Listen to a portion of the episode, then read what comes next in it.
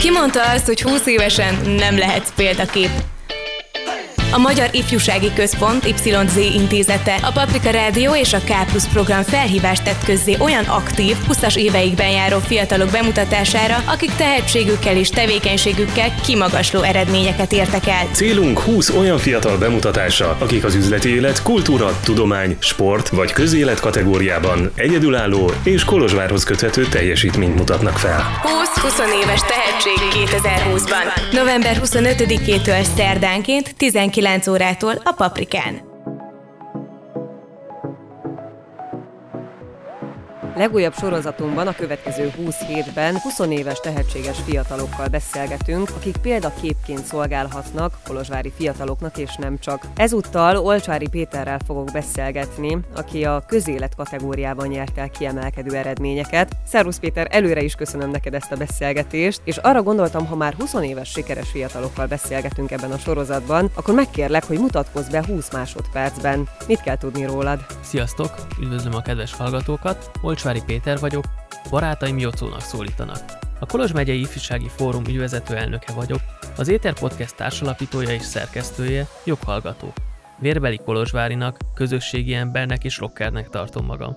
Szeretek olvasni, írni és beszélni mindenről is. Évek óta aktívan tevékenykedsz a közösség érdekében. Mi készített arra, hogy egyáltalán elkezd ezt a tevékenységet, és mit tanultál ebből, mivel gazdagodtál ennek köszönhetően? Már általános iskolában bennem volt a változtatásnak a folyamatos vágya. Valami mindig ügyködtem, mindenről megvolt a véleményem, amit sokszor ki is mondtam, talán túl sokszor, de mindig szerveztem valamit. Szerveztem távirányítós autóversenyt, még angol vetélkedőt is a kicsiknek. Mindenből kivettem a részem, amit érdemesnek, érdekesnek találtam, így amint 9 lettem, egyből csatlakoztam a diák tanácsomba, hiszen tudtam, hogy az az a közösség, ahol szerveznek az emberek, ahol változtatnak, dolgoznak. Nem is tudtam igazából, hogy miről szól, csak azt tudtam, hogy én ennek részese kell legyek, és valamit kell csináljak még a, a, a tanulás mellett. És ez a vágy, ez mai napig bennem maradt, és talán most már tisztában látom egy kicsit, hogy, hogy miért is láttam annyira fontosnak a diák tanácsozást, hiszen nem sokkal azután részese lettem a megyei diák tanácsnak, ugye a KMDT-nek, illetve a MAKOSZ-nak, a Romániai Magyar Középiskolások Szövetségének, melynek elnökségi tagja is voltam egy évig, majd két évig az ügyvezető elnöke, úgyhogy úgymond az első vonalban dolgoztam az erdélyi magyar diákokért, vagy diákokkal,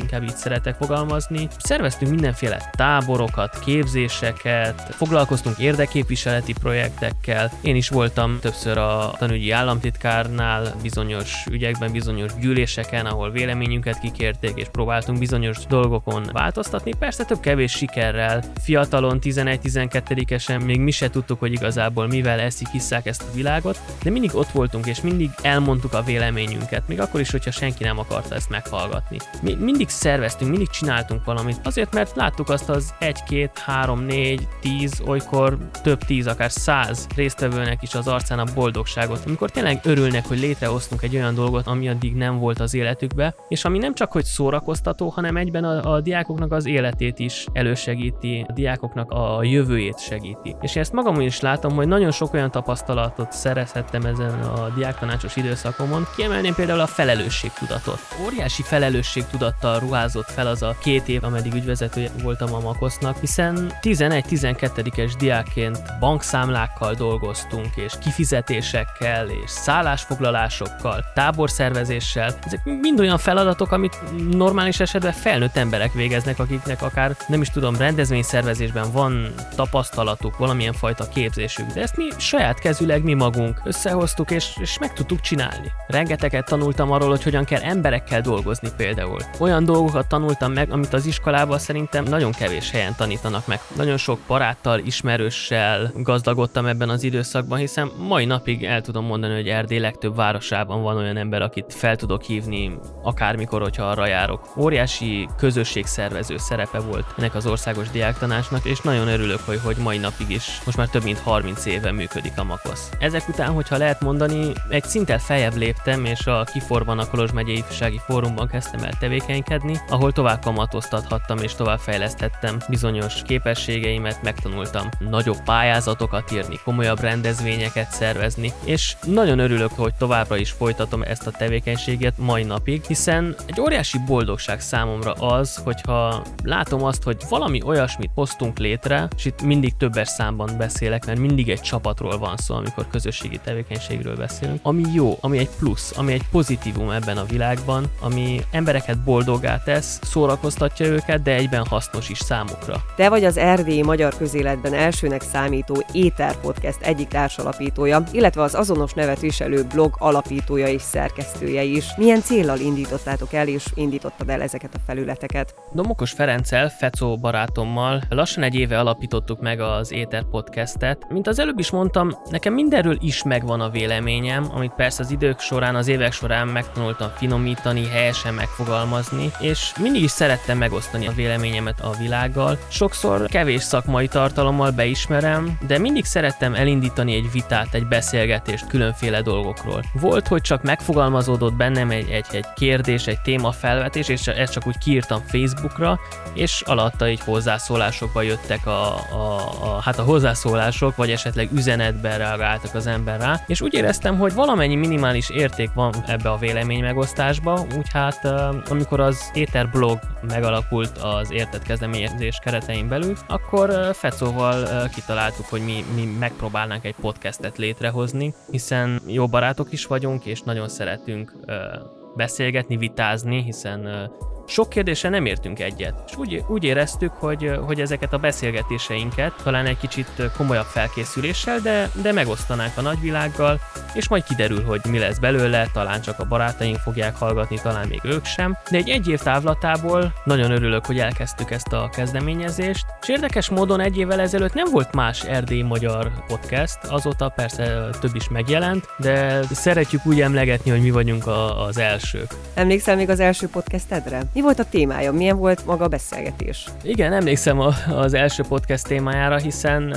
mai nap is sokszor visszahallgatom azt az első epizódot, ami egy kemény, hát nem is tudom, 6-7 órás felvétel után született meg végre, hiszen annyiszor kezdtük újra, ugye nekünk nincsen közel semmilyen szakképzésünk, úgymond ilyen rádiózásban vagy bármi hasonlóban, ami podcastezéshez jó lenne, úgyhogy csupán a személyes tapasztalatainkra és a, és a türelmünkre alapozva indítottuk el ezt az egészet. Egyszerűen összeültünk valakinél otthon, két mikrofon elé, és elkezdtünk beszélni arról, ami, ami számunkra kedves volt. Az első epizódban, hogyha be nem tévedek, akkor, akkor főként az utazásról beszéltünk. Azt a gondolatot vetettük fel, hogy ugye a Facebookon sokszor vannak ilyen, ilyen agyoncsépelt idézetek, például ez is, hogy túl későn születtünk, hogy felfedezzük a Földet, de túl korán ahhoz, hogy felfedezzük a világegyetemet. És egyszerűen ebből a, az idézőtből kiindulva kezdtünk el beszélgetni különböző témákról, az utazásról, különböző sztorikat meséltünk arról, hogy milyen élményeink voltak a, a román vasúti társasággal például. Nagyon fura volt úgy beszélgetni, hogy tudjuk, hogy ezt, ezt mások is hallani fogják, de én azt mondanám, hogy körülbelül így a tizedik epizód után kezdtük megszokni, és kezdett az már természetesen jönni, hogy egy picit struktúráltabban beszéljünk.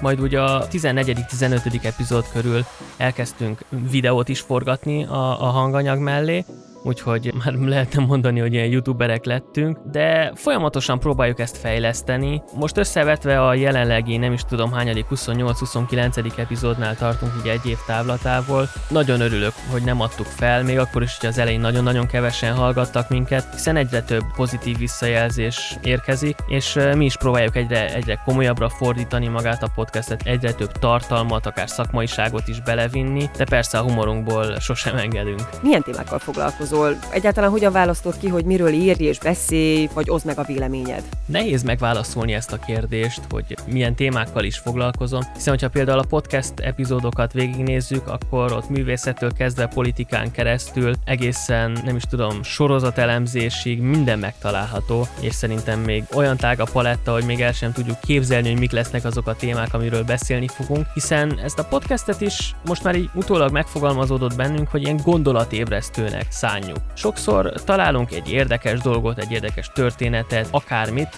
amiről beszélgetünk 20-25 percig, azzal a célral, hogy keltsük fel az embereknek az érdeklődését az a bizonyos téma iránt, vagy gondolatokat ébresszünk róla. Vegyük rá az embereket arra, hogy igenis érdemes vitázni, érdemes beszélgetni különböző dolgokról, érdemes egy kicsit nyitottabb szemmel járni ebben a világban, hogyha, hogyha fogalmazhatok így. Az én szombat délelőttömet sokszor írással töltöm el. Van van, hogy éppen felkapom a fejemet valamilyen politikai kijelentésen, vagy valamilyen abszurditáson, amiből sajnos nem szűkölgödünk itt Romániában, és úgymond így indulatból gyorsan leírom egy három oldalban a véleményemet róla, illetve van, hogy napokig, akár hetekig gondolkozok bizonyos témákon, és próbálok egy valamilyen véleménycikket írni belőle, több-kevés sikerrel, általában az ilyen írományoknak a 80%-át nem látja senki rajtam kívül, de megvan az a 20% 10% amit akár Facebookra kiírok, akár az Éter blogon publikálok, persze, hogyha a szerkesztőség többi tagjainak is tetszik, és, és megfelel ez úgy formailag, mint tartalmilag. Írtam már például véleménycikket az igazságról, hogy mit is jelent az igazság, mit jelent az, az információnak a demokratizálása, mennyire veszélyesek akár a közösségi médiáknak a, a hozzájárulásai bizonyos közéleti témákhoz, és miért fontos az, hogy mindig korrektül informálódjunk. Általában, amit értelmesnek találok, azt meg is osztom a világgal. Az Éter blog létrehozása is hasonló meggondolásból jött létre, ilyen hiánypótló kezdeményezésnek nevezzük mi legalábbis, hiszen a most már szerkesztő brigádnak vagy szerkesztő társaságnak nevezhető csoportból többen nagyon szeretünk véleménycikkeket olvasni. Legyen az erdélyi magyar, magyarországi vagy külföldi uh, hírportálokon, és gondoltuk, hogy hozzunk létre egy olyan platformot, amely akár a kezdőknek, a fiataloknak szól, ahol bárki megoszthatja a véleményét, bárki megoszthatja az írásait, legyen az tudományos szöveg, vagy egyszerűen véleménycik, akkor is, hogyha nincs ebben tapasztalata, hogyha ebben még nincs akár szakképzése, de hogyha úgy érzi, hogy van valami, amit meg szeretne osztani úgymond a világhálóval, akkor ezt tehesse meg, és legyünk mi ebben partnerek. Azóta szép számban gyűlnek a cikkek, mi is írunk természetesen. Én például nagyon szívesen írok bizonyos közéleti témákról, de van, aki inkább a művészetről ír, van, aki a sportról, és persze nagyon sok úgymond vendégcikket, véleménycikket kapunk olyan, olyan fiataloktól, akik lehet, hogy éppen az első cikküket írják meg. És nagyon örülünk annak, hogy, hogy a mi kezdeményezésünkhöz csatlakoztak. Mit üzensz azoknak a fiataloknak, akik szeretnének részt venni közösségépítő tevékenységekben, de mondjuk nem tudják, hogy hogyan és honnan induljanak, vagy hogy mi az első lépés?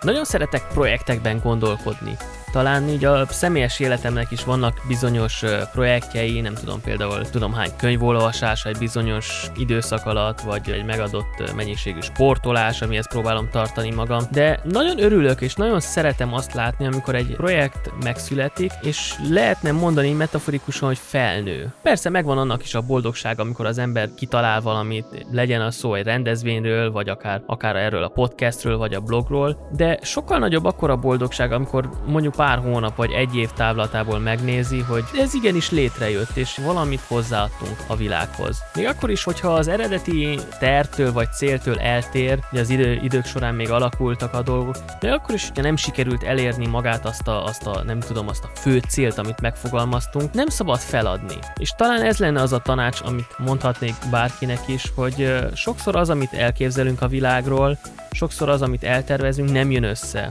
sőt, nagy többségben nem jön össze. Ez nem feltétlenül azt jelenti, hogy egy rossz irányba indultak el a dolgok, hanem egyszerűen más irányt vett az élet, nem is tudom. Attól függetlenül folytatni kell, csinálni kell, és, és tényleg csak akkor kell abba hagyni valamit, amikor már tényleg azt érezzük, hogy ennek semmi szinten nincsen, nincsen értelme. Nagyon fontos szerintem következetesnek lenni, kitartóan dolgozni egy célért, annak, aki még sosem vett részt közösségi tevékenységekben, azt tanácsolom, hogy legyen, legyen egy kicsit nyitott, legyen nyitott az embertársai felé, és amikor, amikor úgy dönt, hogy becsatlakozzon akár egy szervezet, vagy egy bármilyen közösségnek a, a, a munkájába, egy projekthez, akkor helyezze magát egy kicsit háttérben, és tudatosuljon benne az, hogy ő a közösségért van ott. Ő azért van ott, hogy valamit hozzáadjon egy egészhez. És hogyha ő igenis hozzáadott valamit ehhez az egészhez, akkor biztosan lesz, amit majd haza is vigyen az egészből.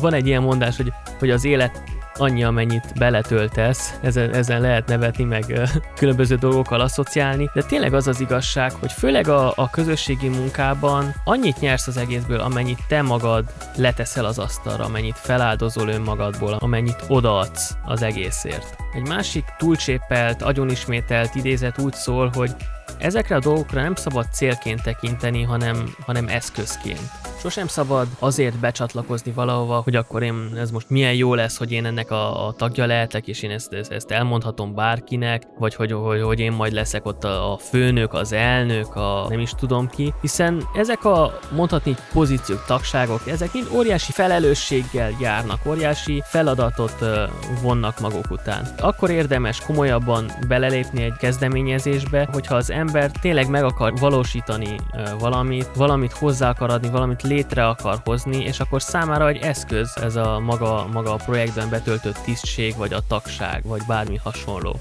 És ugye itt jön be szóba az, az, az alázatosság, ami megint egy nagyon fontos tulajdonsága egy közösségszervező embernek. Nem lehet szerintem egy tanácsot megfogalmazni, vagy egy ilyen aranyreceptet, hogy akkor most hogyan kell közösségi tevékenységekben részt venni. Egyszerűen, ha valaki ezt hivatásának érzi, hogy úgy érzi, hogy valamit hozzáadhat az egész erdélyi magyar társadalomnak akár egy kicsi részéhez is, akkor csinálni kell, mert mindenki megtalálja a helyét ebben a, ebben a társadalomban, ahol ő igazából a saját helyén van, ahol ő hasznosnak érezheti magát, ahol úgy érezheti, hogy, hogy hozzáadott valamit. Bármilyen kicsi, bármilyen nagy legyen ez a, ez a hozzájárulás. Én azért szeretem nagyon csinálni azt, amit csinálok, mert érzem, hogy hasznos vagyok. Érzem, hogy, hogy azt, amit csinálok, van eredménye. Érzem azt, hogy, hogy, hogy a, a podcasteket hallgatják az emberek. Látom azt, hogy a, hogy a cikkeket, a véleményeket, amiket írom, olvassák az emberek, hozzászólnak. Kimondhatatlanul örülök annak, amikor látom az embereket egy kiforos rendezvényen, amikor látom, hogy egy, egy projekt sikeresen fut, hogyha megvalósul az, amit, amit megterveztünk, amit dolgoztunk, nem is tudom, lehet, hogy hónapokon át, és ennek az egésznek a megvalósulás lehet, hogy csak egy órás akármi,